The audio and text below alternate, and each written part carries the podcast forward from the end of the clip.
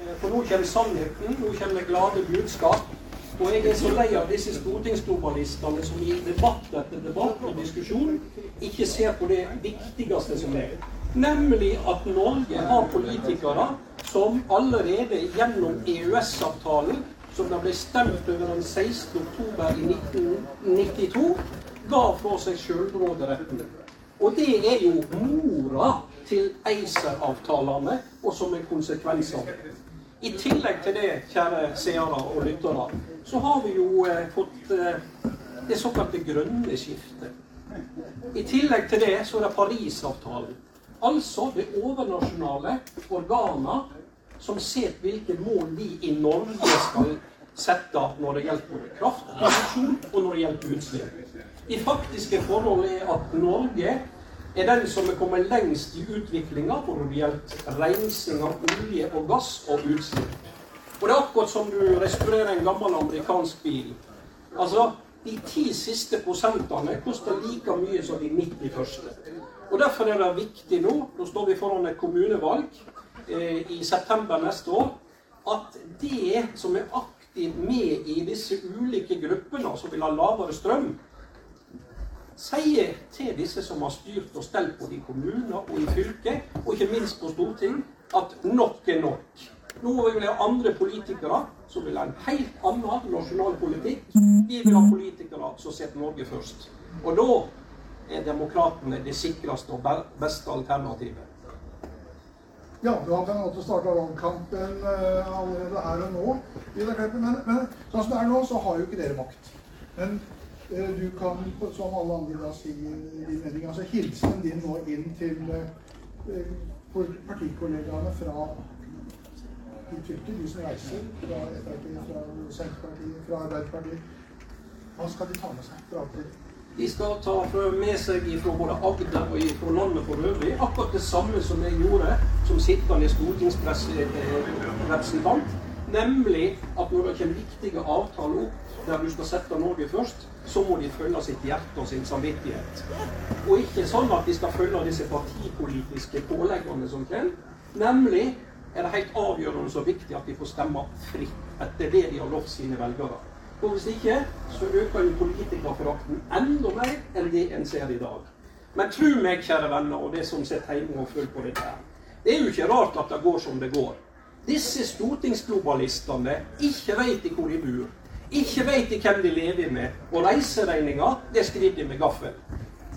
Sånn kan vi ikke ha det. Og Derfor er det en tillitskrise. Vi har ikke mangel på snøbbe i Norge, men vi har mangel på politikere som setter Norge og nasjonen vår først. Den øh, Den satt som ei kule. Det er en uttalelse fra Vidar Kleppe. Takk skal du ha. Skal, jeg skal slippe til en mann til nemlig, som, som skal videre. Ja, skulle ikke, skulle ikke jeg få snakke litt og Jo, eh, du skal få lov å snakke litt mer hvis du har tid til å være litt lenger, for det er en annen person her som, Ja. litt, som skal inn på et møte litt lenger ned i gata. Ja, Sånn at hvis du kan sette deg ned nå, kan så kan, så kan du få komme opp igjen og så, uh, få et par spørsmål til. Ja. For jeg har en mann som heter Hogne Hognseth, som sitter der. Uh, og han Jeg lurer på om ikke han skal overta den mikrofonen min. Nei, Ja, nå får vi det.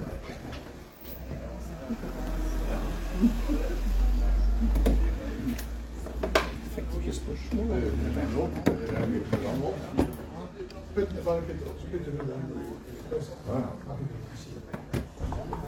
det på nå? Nå er det på. Nå hører jeg deg bak i salen her.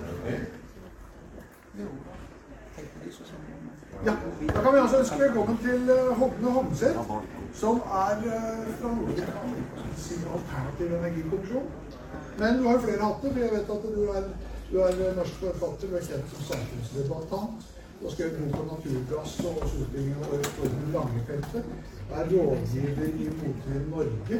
Og blant annet noen av fagområdene der er kraftmarkedet og energimarked. Og en av grunnene til at jeg tar fram nå, er at Åge Seierdag om en sterk times tid og litt du skal i regi av Motvind Norge snakke om natur og strøm. Det du kaller altså grønnere lovbrudd, og seminaret fokus på vindenergi. Da er det vindenergien som står på. skjønner. Altså her og nå snakker vi om strømpriser og. Og, folks hverdag med mye strømpriser. I et innlegg for noen uker siden så oppfordra du også Støre og Aasland til å komme ut av bobla og ta tak i det du mener er de virkelige utfordringene. Om du hevder altså at den enkle forklaringen på strømprissjokket er at Sør-Norge er kobla til kontinentet og England med sju sjøkabler. Er det så enkelt? Ja, dessverre. Jeg har dessuten en hatt til. Jeg styrer med i industriaksjon som uh, jobber for å beholde den industrien som er bygd opp basert på at vi hadde strømpriser som var lavere enn andre land. Det er hele grunnlaget for at vi har en stor industri. Men nå er det, nå er det her privat, og det jeg sier nå, får stå min egen regning. Men uh, det er så enkelt. Hvis du tenker det, Nå hadde vi nettopp en uh, som representerte hyttelivet her. Hvis du er på en hytte et sted hvor det er ti kuldegrader og du holder gjerne 20 grader inne også i hytta. Så kan du gjøre følgende, følgende vitenskapelige forsøk en dag når du kommer på hytta. Når du går dit og inn, så lar du døra stå åpen. Så går du inn i hytta, og så slår du av alle ovnene som har fått hytta varm. Gjerne forhåndsvarm og full på. Når du har gjort det, så går du rundt og åpner alle vinduene. Hvis det er litt vindtrekk, kanskje i tillegg, så setter du deg i sofaen med termometer i hånden, og så ser du hva som skjer. Allerede når du har gjort disse operasjonene, så er temperaturen inne gått fra 20 til 15. Så sitter du i ro i kvarter, en halvtime, en time. Så fortsetter temperaturen ned, og så ender den på 10 minus. Så kan vi glemme disse frostproblemene. Men poenget med saken er at når det lille luftvolumet ditt inne i hytta blir blandet sammen fritt med atmosfæren, så er det rått parti. Da vinner atmosfæren og setter temperaturen i stua di. Norge er Vi tror vi er store på energi, og det er vi på olje og gass. Men vi er knapt små når det gjelder strøm. Vi har et uh, produksjon på årsbasis på 150 TWh. Som vi nå kobler oss mer og mer sømløst mot et marked på 3500 TWh. Med en helt annen pris. Og den fysiske lovmessigheten i temperaturen i av stua den har en økonomisk tilsvarende modell som gjør at når du blander dette strømprismarkedet vårt lille med en pris der, og setter det opp og blander det inn i det store bildet, så skjer akkurat det samme, men rent økonomisk. Det er det store markedet som vinner når det gjelder pris. Og det spiller en liten rolle, som mange nå påstår, at nå må vi bare bygge mer vindkraft eller solkraft eller hva det skal gjøre, og så fylle mer vann oppi badekaret eller, eller skru på en liten ovn inn i hytta di. Hvis du tar alle vinduene være åpne og døra åpne, så blir strømprisen like høy. Det hjelper ingenting å bygge ned norsk natur med mer vindkraft for å få ned prisen. Vi får mer strøm tilgjengelig. Det er mot prisen blir like høy. Det, dette er et viktig moment. Det er veldig mange i kraftbransjen som nå står fram. Jeg har vært på mange, veldig mange hele uka. Kraftbransjen sier at løsningen er å bygge mer kraft. Ja, Det betyr mer eksport inn i høyprisområder. Det betyr ikke lavere pris i Norge. Det er fullstendig klar over det. Altså, du sier altså at det, det er den økte eksporten av strøm som fører til økte strømpriser? Nei. Nei. Det er ikke den økte eksporten, for eksporten vår har ikke økt. Nei. Nei, men det er eksporten av strøm, da. Nei. Det er muligheten for eksport av strøm. Poenget er at når vi bygger flere kabler så kan kraftselskapene selge strømmen inn i et marked med høyere pris. Hva er konsekvensen av det? Jo, du og jeg må betale den samme prisen der borte for å beholde nok strøm til oss selv. Disse to nye kablene som går til England og Tyskland Det tar litt garanti på dette. De, de, de har 17-15 andre forbindelser som går stort sett til Sverige i det meste. Disse to nye kablene skal jeg korrigere Kyrkja litt i starten, for han sa noe feil. Han sa at disse to kablene har økt kapasiteten ut av landet med 50% eller mot høypris. Så er det, det er riktig, og det er feil. Det har økt vår totale kapasitet ut av Norge med 50% Men mot disse høyprisområdene, som er Danmark, Nederland, England og Tyskland, så økte de to kablene kapasiteten med 116% så det er mye verre enn han sa, faktisk. Så eh, her er det sånn at disse to nye kablene de har ikke ført til økt norsk eksport, Men de har sugd til seg overskuddet vårt fra andre kabler til utlandet og sendt det inn i disse høyprismarkedene. Så det er også feil å si at disse kablene de er eksportkabler. Men de har ikke økt den norske eksporten. De har bare flytta eksporten inn til de ekstremt høyprismarkedene, som så sender tilbake strømprisen til oss. Så dette er et spill for guder.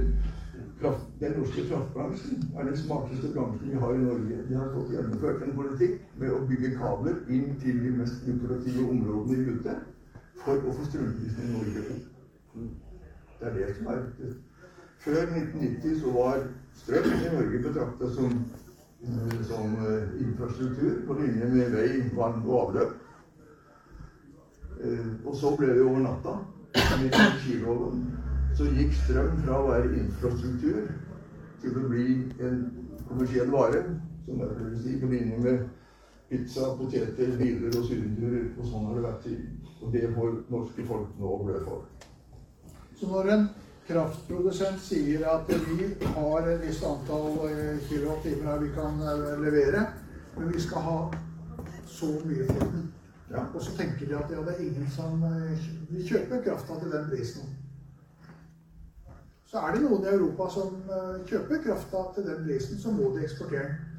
Og så sier du at da er det det som bestemmer den prisen du og jeg skal betale tilbake. Er det det, det bildet du beskriver? Ja, hvis du står utenfor en pølsekiosk, og en pølse, pølsekioskeier har ti pølser å selge, og så kommer du og kjøper kjøpe en, og så, så er prisen ti kroner. Så kommer det løpende noen og sier ja, men vi betaler 100 kroner for pølsa.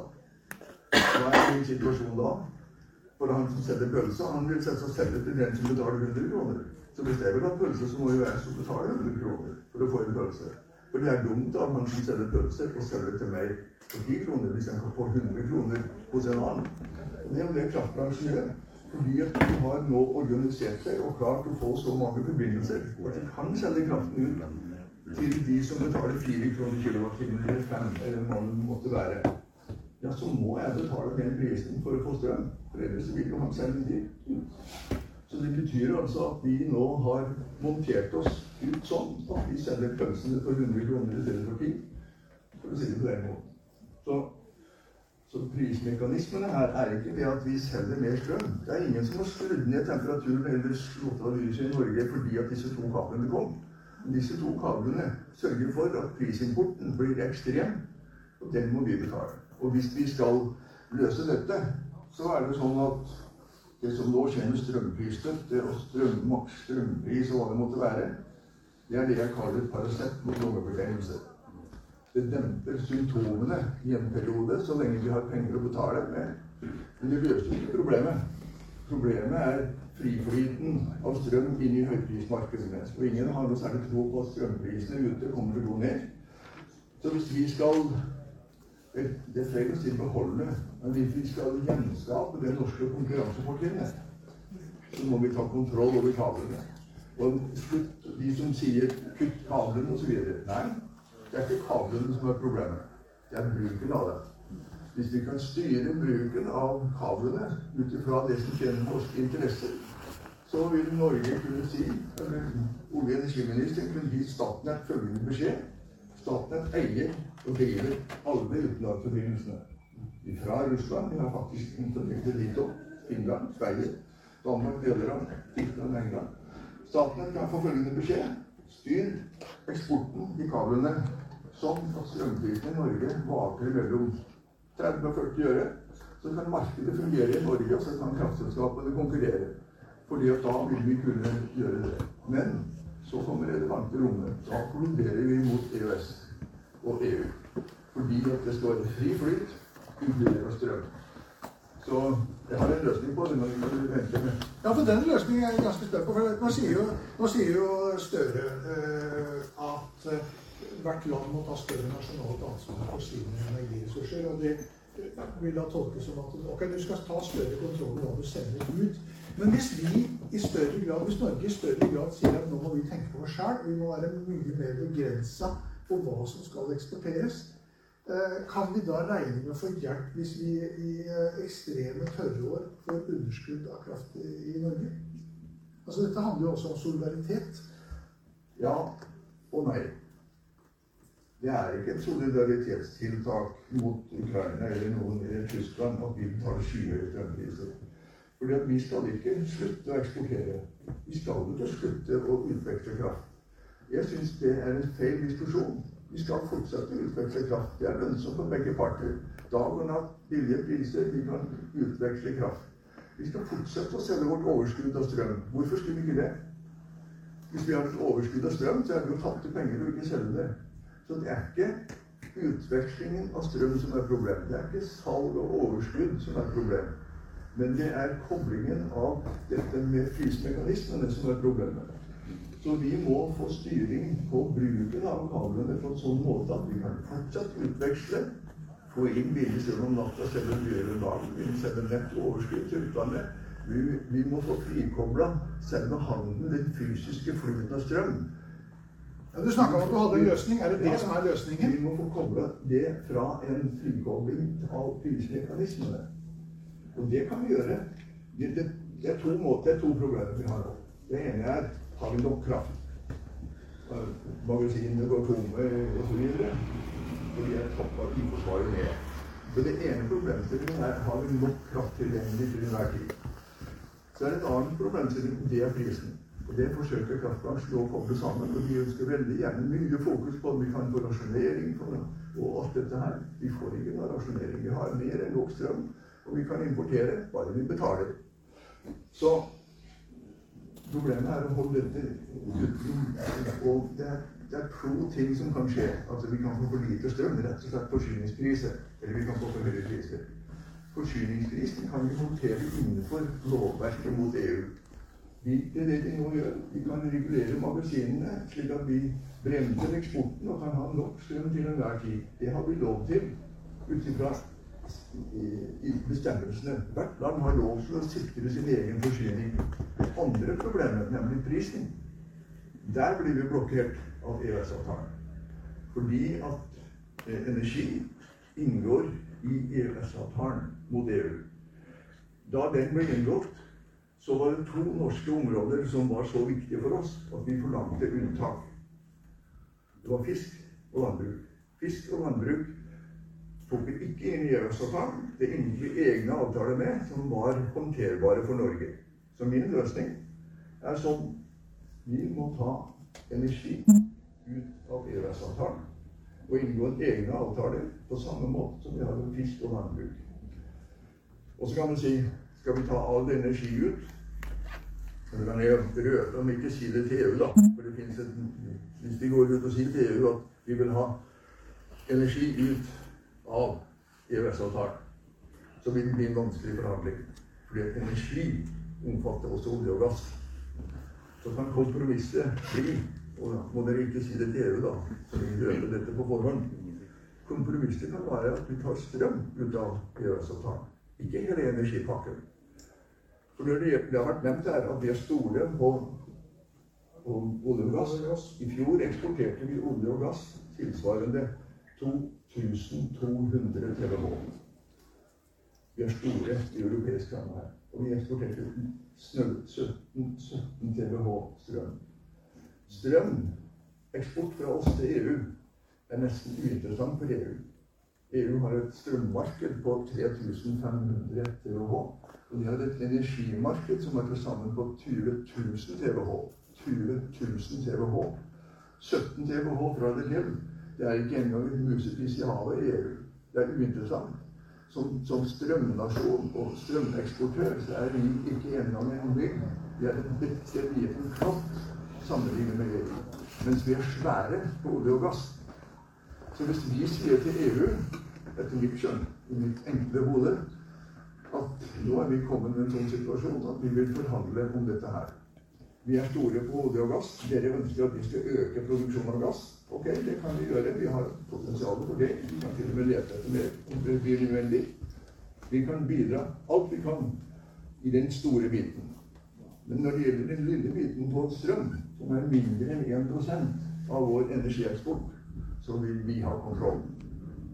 Jeg tror det går an å snakke mye om det og disse toppolitikerne våre som gjerne vil inn i EU, så skjønner ikke jeg at ikke de skal tørre å snakke med EU om det. Du ønsker faktisk altså da en ny EØS-avtalediskusjon hvor du vil ha ut strømmen. Yes. Ta ut strømmen. Yes. Så må du selge noe annet inn. Selge. du? Må selge noe annet inn. Forhandlingene er gi og ta. Hva vil du da gi fra deg? For Forhandlingene er det vi gir. Det er å si, ok, så kan vi øke gasseksporten. Vi øker gasseksporten i år med et, et volum som er like mye som all norsk vannkraft. Faktisk. Vi er allerede i gang med det, og vi kan gjøre enda mer. Så vi har en unik forhandlingsposisjon for å sørge for at det, den misæren vi har rota oss inn i når det gjelder strømpriser i Norge, den kan vi komme oss ut av. Um, ja. har vi et spørsmål. Skal vi se om vi ikke kommer ja, jeg har to spørsmål. to spørsmål. Ja, Det kom er igjen. veldig, veldig bra foredrag. Det er noe av det beste jeg har hørt i mitt liv. Klar og tydelig. Uh, Det første problemet jeg ser nå Jeg var oppe på en plass som heter Bøylefoss. Og der har jo uh, min bestefar jobba. Det kom jo i 1920, og så var det Sam Eide. De har starta hele eventyret i Norge og velferden. Du kjenner vel til det? Og der så jeg på en, eh, en utstilling de har der oppe på Bøylefoss. Og fetteren min eh, hadde undervisning der, og hun vet aldri hvordan man produserer strøm, så det var litt interessant. Hun sa her strømmer det mye vann ut av fabrikken. Så gikk vi inn i fabrikken og telte antall turbiner der. Det var ni. Så spurte Vidar Klepp i dag hvor mange av de roterer i dag. Hva tror dere? Én. Ja. Og de har tappet ned vannet der oppe. Det har aldri vært så lavt. Jeg traff noen på toget som har hytte der på Nelø. Men de skylder på at de måtte få bli foretatt nødvendig vedlikehold. Derfor har de tappet ned vannet. Men jeg tror de har tappet ned vannet, for de har tjent vanvittige penger på eksport, så de lyver. Men det er tappet så mye ned at min neste bekymring er at denne vinteren så får vi ikke strøm fra Europa. Vi får strømkrise. Og da blir det ikke noe strøm til en snøkanon. Vi må prioritere hvem skal få strømmen i vinter. Så hva gjør vi i vinter hvis ikke vi har strøm tilgjengelig? Det var mitt spørsmål. Ja, så tror jeg kanskje at eh, vi skal ha litt is i magen fordi det. Jeg tror ikke veldig stor fare for at den situasjonen inntrer at vi får strømrasjonering. Kanskje får vi det.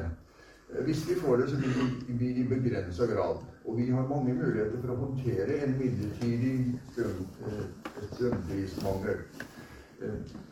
Rent på, på familienivå så er vi, vil vi leve med at vi senker strømtemperaturen fra 20 til 18 grader i en periode. Vi kan få regulerende utkoblinger osv.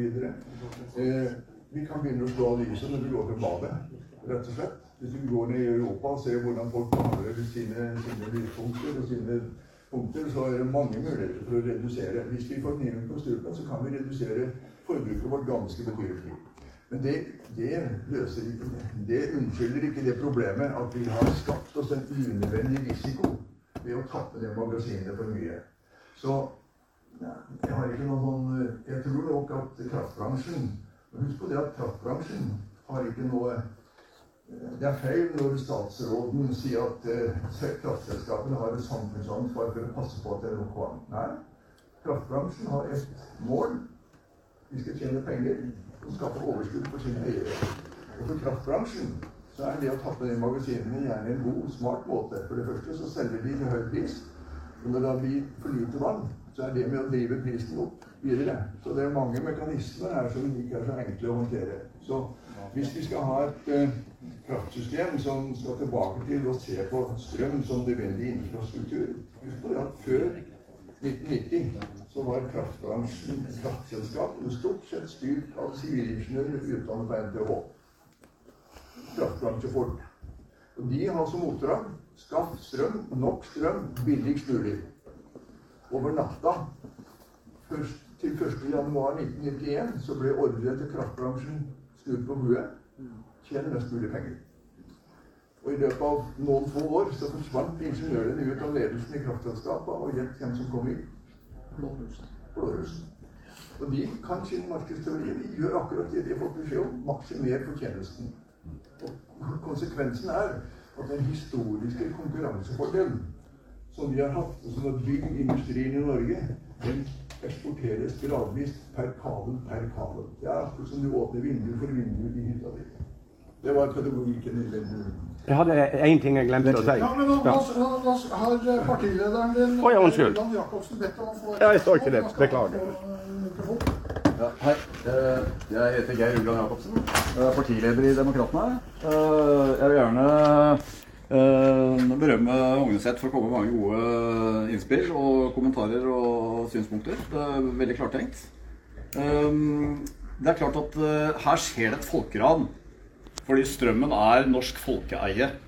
Og Norge er tuftet på rimelig energi. Det har du vært inne på. Eh, Og det er noe grunnleggende feil når norske politikere spikrer kravene sine til masten eh, til eh, venner i utlandet, og omfordeler det norske folks midler til sine venner. Og til en masse angitt gode formål som ikke er så gode, som ikke gagner det norske folk. Det er det som skjer. Det er et enormt ran, og det er der vi må sette ned foten. Og jeg tror det er litt formålsløst å diskutere for mye på mikronivå, sånn som vi gjør nå. At vi skal skru av lyset på hytta. Der har man en LED-pære på 7 watt som kan lyse i årevis før det koster en tier. Altså, det er, blir feil fokus, for vi er nødt til å se det i makroperspektiv. Og makroperspektivet, det er angitt helt fra toppen, og det er offentlig. Det er the great reset som ingen helst vil forholde seg til, for det er litt ubehagelig å tenke på. En avledning av The Great Reset er det grønne skiftet. Det grønne skiftet ligger som premiss for veldig mye av det som nå gjøres. Og om vi greier å sikre skisenteret rimelig strøm, så forsvinner ikke det grønne skiftet. Det blir som å klemme på en ballong. Du klemmer inn et sted, du bare tyter ut et annet sted. Så lenge vi har det grønne skiftet, vi opplever ubehageligheter. Norsk næringsliv, og særlig da de private bedriftene, vil bli kjørt i senk. Det meste vil bli statseid. altså Man snakker her litt lett om det at ja, vi får jo penger tilbake i retur fra staten. Og så, øh, sånn som, sånn som uh, hyttebyggeren sa, og det er for så vidt riktig, og det blir på en måte et slags nullsumspill der. Men det som skjer, er at det private næringsliv opphører å eksistere. Det er også en del av the great reset. Alt blir statseid. Vi får en form for verdenskommunisme, og det er det det bærer mot. Og det er der vi må fokusere. Vi må fjerne de grunnleggende årsakene til at vi får disse problemene som nå står i kø. Enten det er pandemier som varsles og leveres, eller det er kraftkrise, eller det er kriger, eller det er noe annet. Alt er jo forhåndsvarslet. Det er program som kjøres. Og det må vi erkjenne. Så jeg vil gjerne også at eh, vi som eh, krever billigere strøm, som er prisverdig initiativ, er mer interessert i politiske løsninger. For det man gjør, er å operere på mikronivå. La oss få politiske, løsninger. Da må også de politiske alternativene få komme til. Slik det er nå, så er Stortinget fullt av globalister med en annen agenda i lomma enn den det norske folk har gitt dem. Derfor må man ha nye partier inn. Demokratene er det klareste partiet med en komplett politikk på dette. og Derfor er det viktig å understreke at de nye partiene, alternativpartiene, demokrater og andre, må komme til. Og vi kommer da ikke til f.eks. i denne gruppen. Vi blir holdt nede, og det syns vi er litt leit. Det er viktig at vi får lansert alternativene, så folk vet hva de kan stemme på. Ellers så løper de i ring og stemmer på de samme partiene som vil levere det samme uheldige som de har gjort til nå, med den følge at Norge går til grunne. Takk. Det var et veldig Du skal få svare. Det var et veldig godt spørsmål. Jeg vil si et innlegg. Du kan svare på dette. Altså. Ja, da, Så, er, det kommet, er det noen der nede som vet om Har du et kort spørsmål, så kom inn hit og still det etterpå. La oss ta det nå. Jeg deltar da ikke i dette som en partipolitisk diskusjon. Jeg registrerer at uh, ulike partier innenfor og utenfor Stortinget Det er interessant å se at i den partiprogrammet vi har på Stortinget, som går fra det vi tradisjonelt kaller fra venstre med rødt, ytterst til Frp til høyre, så er det faktisk yttersidene i, i Stortinget som uh, ser ut til å finne sammen i å se på en ny politikk. Så dette tror jeg ikke går på noen høyre-venstre-akse eller sånt, eller nye partier, eller hva det måtte være. Det er en alminnelig brei oppfatning hos folk flest, og det sprer seg i partiene. Dessverre minst i de to historiske styringspartiene, Høyre og Arbeiderpartiet. De som kjenner meg, vet at jeg har vært tatt av, er. Og jeg er fortsatt medlem av partiet, for at jeg ønsker å påvirke det partiet i en mer riktig retning enn det går nå. Så er det jeg sagt. Så Bortsett fra det så tror jeg at dette er en, dette er en sak som, eh, kjent, som kommer best ut av det. Hvis det ikke blir en folkebevegelse som denne Facebook-gruppen er. Som, som, ikke blir en partipolitisk eh, manngjevning, men at det blir en bred folkebevegelse som ønsker å få strøm tilbake til å være infrastruktur på linje med vei, vann og avløp for lavest mulig pris. Og dermed reetablere dette som en norsk konkurransefordel i, i en internasjonal sammenheng. Vi har noen ulemper i dette landet. Vi er et stort land. Vi er faktisk større enn Tyskland i areal. Og vi er en befolkning på størrelse med en bydel i Kairo. Det er ekstremt kostbart å bygge infrastruktur her, og vi er relativt få til å betale. Og vi har klimamessige utfordringer. Vi har høye fjorder og dype høye fjell og dype fjorder. Mange ulemper. Så har vi den historiske fordelen som naturen har gitt oss med, natur, med energi. Ikke minst vannkraften. Og den verdien som, som er en konkurransefordel Jo mer vi får like priser med Europa, så er den konkurransefordelen nulla ut. Og den er nulla ut enten du er fra Demokratene, fra Høyre, Arbeiderpartiet eller Venstre eller Rødt. Så dette burde være en bred nasjonal enighet om at vi vil ha tilbake strømpriser som gir oss den nasjonale konkurransefordelen vi hadde. Og da skal vi ikke si rimelige priser, rimelige strømpriser. Rimelig strøm, rimelig strømpris er et begrep uten innhold hvis du ikke relaterer det til noe strømprisen som, har, som har vært et konkurransefortrinn, har ikke vært en rimelig strømpris. Det har vært en strømpris som har vært lavere enn i konkurrentlandene. Den har vært lavere enn i de landene vi konkurrerer med. Så ikke bruk uttrykket 'vi vil ha rimelig strøm'. Vi skal ha strømpriser som er lavere enn i konkurranseland i de landene vi konkurrerer med. Da er vi tilbake til at det er en konkurransefordel. Det var ett spørsmål fra en her nede. Du kan Ja, mitt navn er Edvard Terjesen. Jeg har jobba 30 år i Nordsjøen. Og, og, nå er det utsatt med elektrifisering av sokkelen. Eh, eh, du nevnte profitt. Det er kun derfor eh, oljeselskapene vil ha elektrifisering. Fordi at de slipper å betale CO2-avgift. Og de slipper å betale for vedlikehold av turbinene og kan sløyfe det ut. Så, så, så har det vært veldig fint å få en tilbakemelding fra deg hva du syns om elektrifisering av sokkelen. Takk. Ja, det, vil, jeg kommentere gjerne. Uh, nå har ikke jeg 30 år på sokkel, men jeg har ett år, faktisk. Jeg har 20 år i, i oljebransjen. Der har jeg ett år på sokkelen. Jeg har en klar mening om elektrifisering av sokkelen med strøm fra land. Uh, det er ren tøv.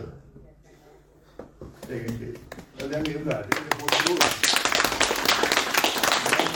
Det folk tror. Det påstås til og med at det er et klimatiltak, og det vil jeg si ja til. Men dessverre så er det sånn at det klimatiltaket gir økte globale utslipp. Gir ikke reduserte globale utslipp. Og man forsøker På hvilket grunnlag da? Hva? Hvorfor? Ja. Forklar det. Ja. Det som blir forklart, er at jo eh, kompressorene og, og generatorene ute på sokkelen de har såpass lav lukningsgrad at hvis vi bare får frigjort gass i Europa, hvor vi kan utnytte varmen osv., så, videre, så får vi høyere virkningsgrad. Altså blir det en global effekt. Det man da glemmer, det er følgende forhold. Per i dag så går det like mye strøm ut på sokkelen allerede som Oslo by forbruker. Det er 9 TWh. 9 milliarder kilowattimer går allerede ut på sokkelen. Og planen er at det skal fordobles i løpet av fem år. Hvor kommer det strøm fra som går ut på sokkelen nå? Er det noen av dere som har redusert temperaturen eller slutta å bruke hytta? eller hva som helst? Er det noen bedrifter som har stengt ned for å skaffe den? Nei. Hvor kommer det fra? Ja, så det er nettopp jeg prøvde å forklare folk det om utslipp. Hvor kommer den fra, den strømmen som Ja, ja. på sokkelen? Altså, på, det, Vi sender gassen ned til Tyskland, ikke sant? Og så blir den brent der. Og så kommer han i retur. Nei, Nei? Den, den strømmen som nå går ut fra Vestlandet, så sender vi 9 TWh ut på sokkelen. Ja, det, ja, den kommer jo fra vår kraftproduksjon. Ja. Ja. Men er det noen som har redusert? Altså Når vi sender 9 TWh ut, så må, jo så må det jo komme fra et sted. ja. Men ja, hvor kommer det fra? Ja, det... Det kommer fra redusert eksport. Å ja. Fordi at vi har ikke redusert temperaturen. Vi har ikke stengte bedrifter. Men vi har redusert eksporten tilsvarende. For hvis disse 9 TWh ikke hadde vært sendt på sokkelen, så hadde de vært eksportert ut. Og hva er konsekvensen av det klimamessig? Jo, alle som er veldig opptatt av klima, forteller oss at hvis vi eksporterer vannkraft til Tyskland f.eks., så slår det ut kullkraft.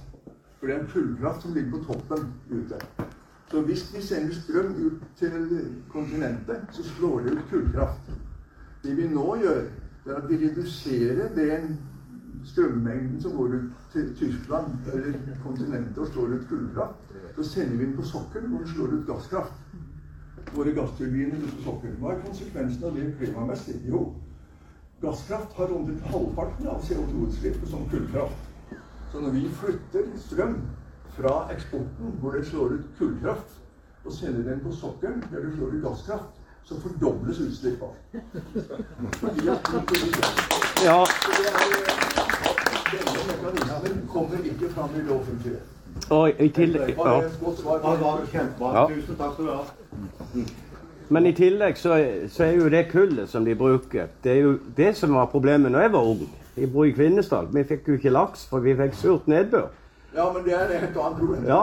Men, men, men, men, men når, du kjører, når du kjører gassen ned til, eh, til Europa, og så brenner han der, og så tar du strømmen tilbake Det vil òg gi mer utslipp fra gasskraftverkene. Ja, ja. Hvis de kommer i den situasjonen at de må importere, så, så tror man at det er overskudd av vindkraft. Men vindkraften i Tyskland går inn på nettet der òg, og det er en miks av kjernekraft og kullkraft og vannkraft det måtte være. Så strømforsyninga er en miks av alt mulig. Det er ingen Ja, ja. Men, men altså, på slutten nå så har jeg lyst til altså, en ting til. fordi at Regjeringen har jo satt ned en energikommisjon. Ja. Like etter at de gjorde det, så var du med på å etablere en alternativ energikommisjon. Ja. Hva er det dere skal kunne finne som dere ikke tror regjeringen skal gjøre? utover? Det vet vi jo ikke. Vi, men eh, hvis vi får være litt uhøytidelig Ja, vær så god. Jeg har lest eh, regjeringens mandat, som ble gitt av forrige energiminister veldig grundig. Det er på fem sider. Eh, og den, den korte og litt uhøytidelige varianten etterpå, det er å si at, som jeg har sagt for så vidt offentlig, at det ser ut som det mandatet er skrevet etter Kit Hines gamle, velkjente grupp. Da fanden ville at intet kunne skje, satte han ned den første kongresen. Det er selvsagt at det veldig langt. Jeg har, jeg kjenner flere av de som sitter i kommisjonen. De kommer med ting. Men jeg tror de først og fremst, dessverre, så styrer mandatet mot at de skal utvikle videre Paraceten. Og ikke finne medisin mot lungebetennelsen. Så vi har som mål Så du tror at de bare vil konsentrere seg om eh, strømstøtte og kompensasjonsordninger? og ny produksjon og tro at det vil få en strømpris og det ene eller det andre. Så, så vår kommisjon, vår alternative kommisjon, vi har ikke Det er kanskje litt dårlig ord. Vi, vi tenker ikke å være et alternativ til den offentlige. Vi tenker å være en innspillskommisjon. Og har tenkt å komme med noen innspill i god tid før de skal levere. Vi kan kanskje levere noen noen eh, forslag som kanskje kan påvirke den kommisjonen den offentlige når den skal komme ut. Legge litt press på den, for å si det sånn. da. Fra, fra bakrommet, fra, fra folkedypet gjerne. Og når du nevner slutten, så har jeg lyst til å si en ting som, som ikke har vært nevnt i Arendalsuka, som dreier seg om energi, og som, som er den faktiske løsningen på lang sikt. Igjen. Ok, da, da er vi gode. Da er vi på vei til å gå inn i forhandling. Ja. Eh, Fordi at vi snakker veldig mye om at vi trenger fornybar energi av klimahensyn. Så da får glemme å diskutere om hva som er riktig eller ikke. Dette med å snakke hele tiden om fornybar energi. Det vi i realiteten ønsker nå, det er ikke nødvendigvis fornybar energi, men det er CO2-fri energi. Altså energi med lave utslipp. Så har Tyskland gått i front for å bygge sol- og vindkraft, som er ikke helt CO2-fri, men veldig har lave CO2-utslipp, men den er uregulerbar. I motsetning til kjernekraft og kullkraft, som er regulerbar.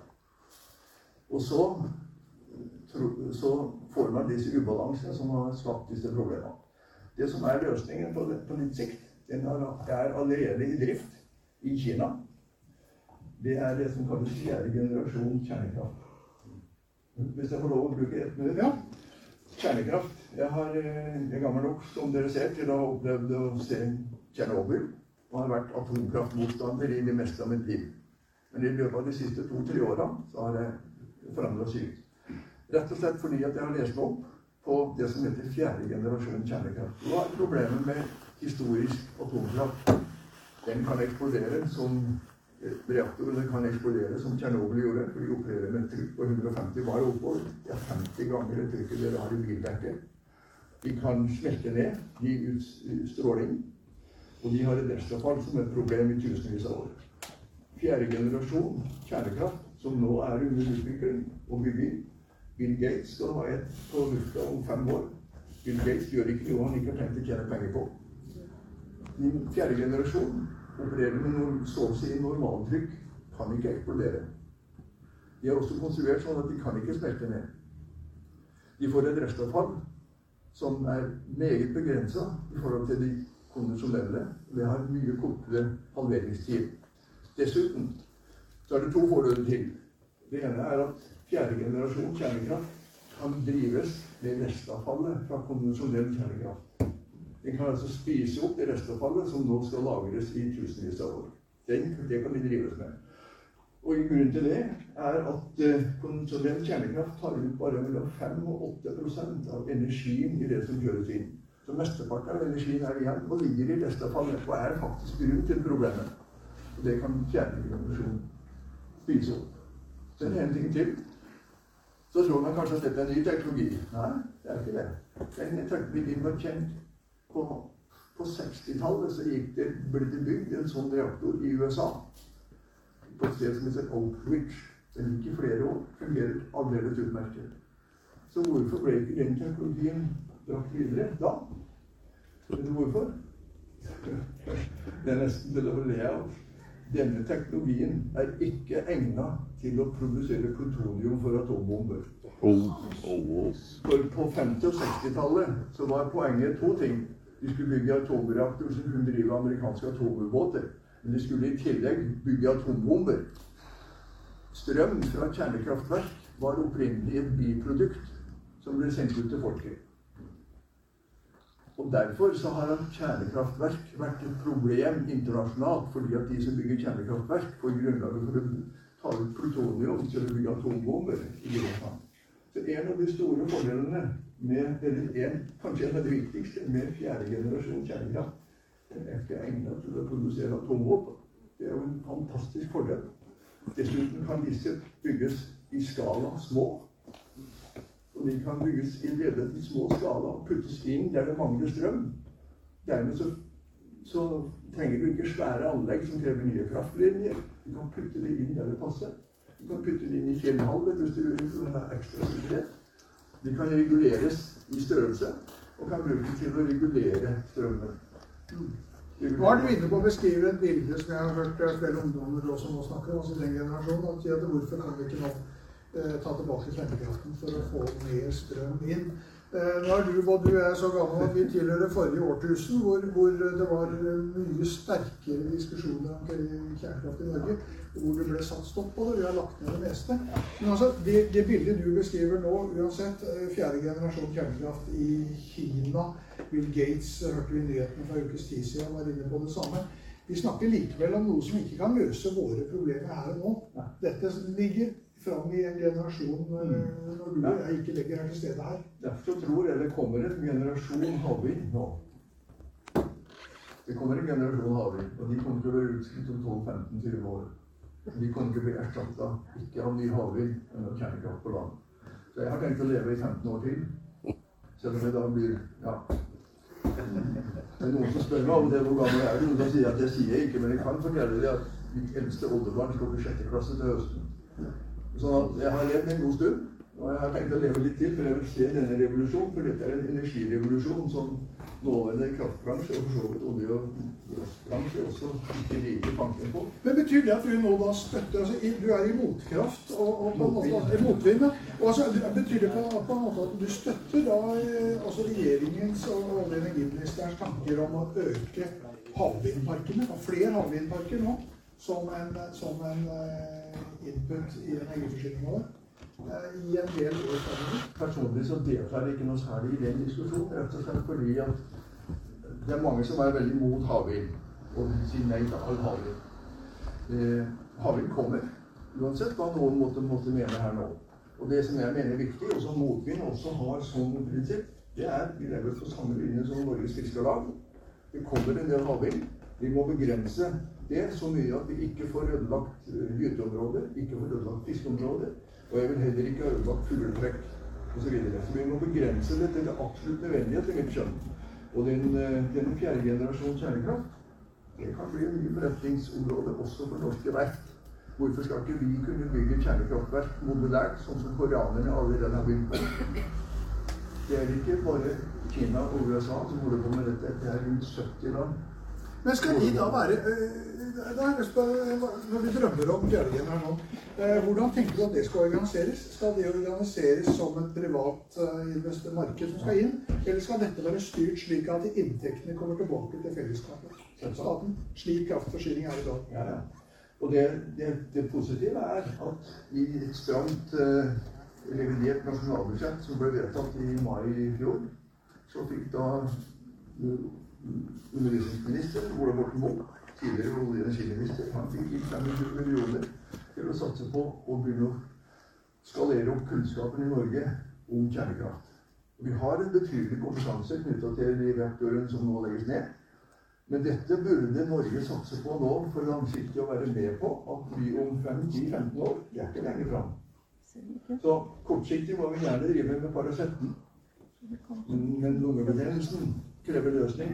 Og dette er en av løsningene. Dette er en, kanskje den viktigste løsningen. Det skaper Det er nesten ikke arealforbruk. Ødelegger ikke natur. Det har veldig lave CO2-trykk. Det er sikrere enn det meste. Det er eh, Tsjernobyl, hvis vi får avslutte med det. Tsjernobyl eh, der døde det bortimot 100 mennesker direkte ved ulykken. Så regner man med at i løpet av fra da og til nå så dør det til sammen rundt 4000 mennesker pga. Tsjernobyl-ulykka. Det tallet tilsvarer omtrent det tallet som dør av utslipp fra kullkraft per dag i verden.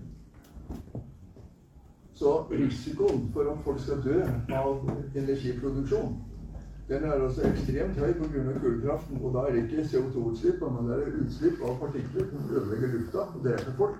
Det dør altså flere tusen per dag pga. kull. Og det problemet vil du løse.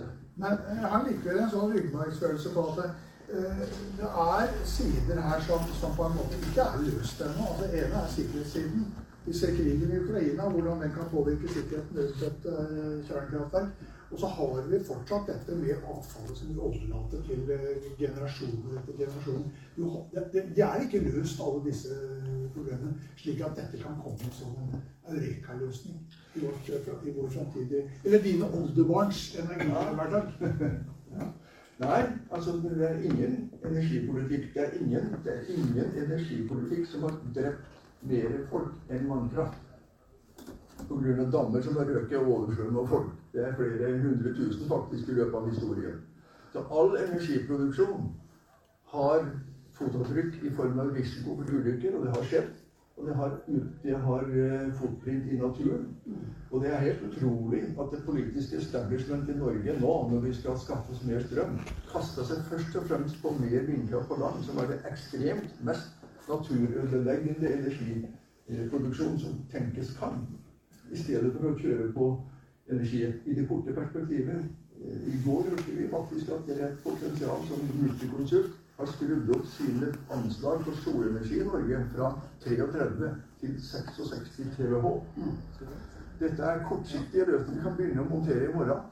Og så sier man at ny vindkraft på land er det raskeste. Det, er, det tar mange år å få det på plass. Så det er mange ting i, i dette her som uh, det er, det er, ting som skal løses, men det kommer til å bli løst. Torium noe alternativ? Hva? Er thorium Ja.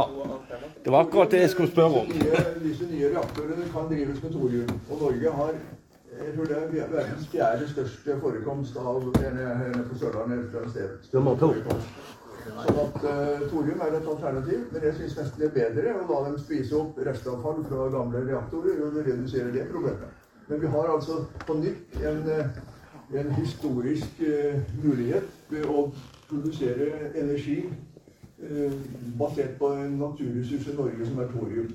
Og så kan altså, tror jeg på lengre sikt, så kan, uh, så kan produksjon av reaktorer, små regulerbare reaktorer for verdensmarkedet være en vel så stor mulighet industrielt for Norge som å lage flytere for havvind.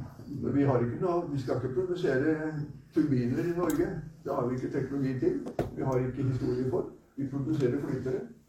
Innsatt på land så er det norske maskinentreprenører som får rasere fjellene våre. Alt annet kommer utenfra, til og med de som monterer turbinene. Så rent industrielt så er dette interessant. Da var det vel det som var spørsmålet ditt? Da, ja, det var thorium. Det var det. Ja, vi har jo, der er du nevnte jo, det er jo også heller ingen løsning for de utålmodige. Eh, vi har jo selskaper som har jobba for uh, thorium i Norge i mange år, som jobber for å lete og finne grunnlaget i det. Uh, om det, hva vi har av ressurser. Det sies jo at vi har en god del thoriumressurser. Så det tror jeg vi ligger til framtida nå, og så tror jeg det stopper, det stopper der. Et ja. siste spørsmål. Du, du, skulle også sa noe mer. Ja. Jeg tror at Etter hvert har du fått uh, sagt det som skal sies nå. Nei, du har ikke stilt jeg, jeg må bare spørre deg en ting. Du sa det at vi skal eksportere mer gass. Men eh, jeg er petroleumsingeniør.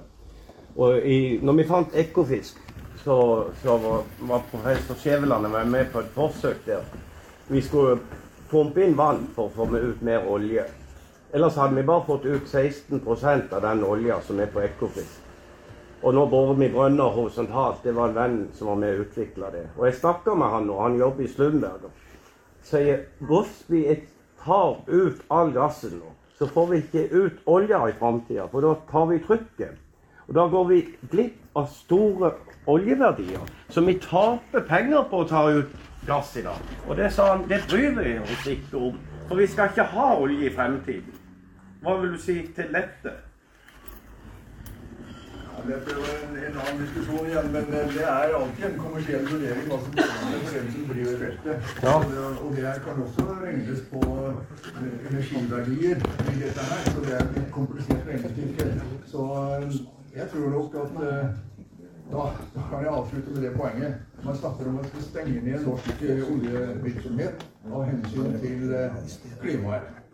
Så er mitt poeng norsk, altså norsk og internasjonal olje og gass, så går 15% av det ikke til energi. Det går til kjemisk industri. Mhm. I worldwide. Her er det minst 200 produkter inne i rommet som er laga av olje og gass. Mobiltelefonen din er laga av det. Så hvorfor kunne ikke Norge Jeg skal skrive ikke si det til noen da. Jeg skal skrive en artikkel om det. Hvorfor kunne ikke vi tenke, i stedet for å tenke at vi skal stenge ned for liv og død av klimahensyn Hvorfor kunne vi tenke oss at vi reduserte produksjonen litt, og så satser vi på å bygge opp mer petrokjemisk industri på land i Norge? Mer CCS-løsninger og det hele med det.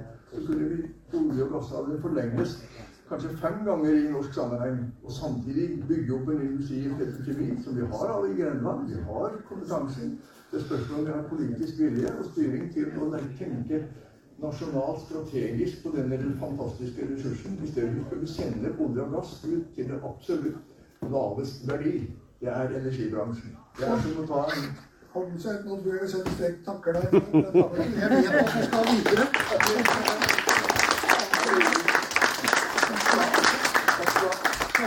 Vi har vært her altfor lenge nå. Mm, vi har vært her altfor lenge. Ja, folk kjeder seg. Nå har du, hørt, har du sittet her og hørt på dette.